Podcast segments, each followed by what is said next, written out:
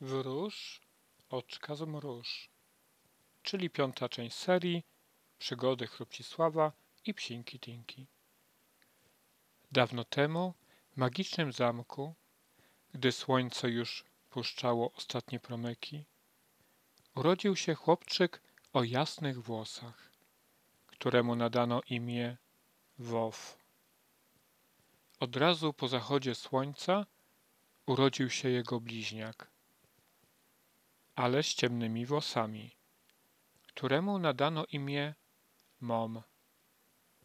Dwadzieścia lat później Wow został jasnoksiężnikiem i przybrał imię Wróż Oczka Zmruż.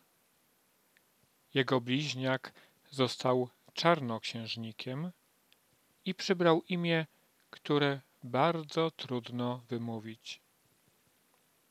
Nikt zresztą nie ośmielił się mówić do niego po imieniu. Nawet złota rybka, którą złowił w zaczarowanej rzece.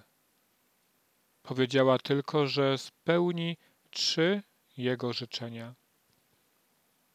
Czarnoksiężnik długo się nie zastanawiał. Po pierwsze chciał, żeby trzecie jego życzenie spełniło się Wowowi podwójnie. Po drugie chciał, żeby w żaden sposób nie dało się odwrócić trzeciego życzenia. Na koniec chciał, żeby mógł śpiewać tylko półgłosem.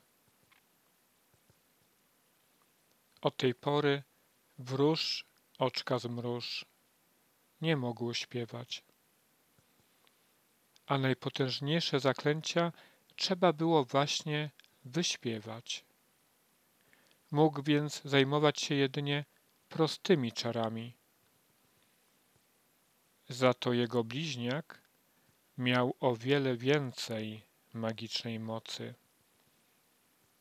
bo mógł wyśpiewać nawet najsilniejsze zaklęcia.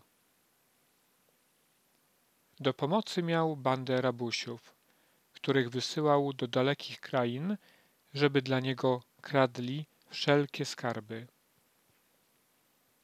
Wszystkie łupy przywozili mu do jego mrocznej twierdzy, gdzie miał kilkanaście ogromnych skarbców.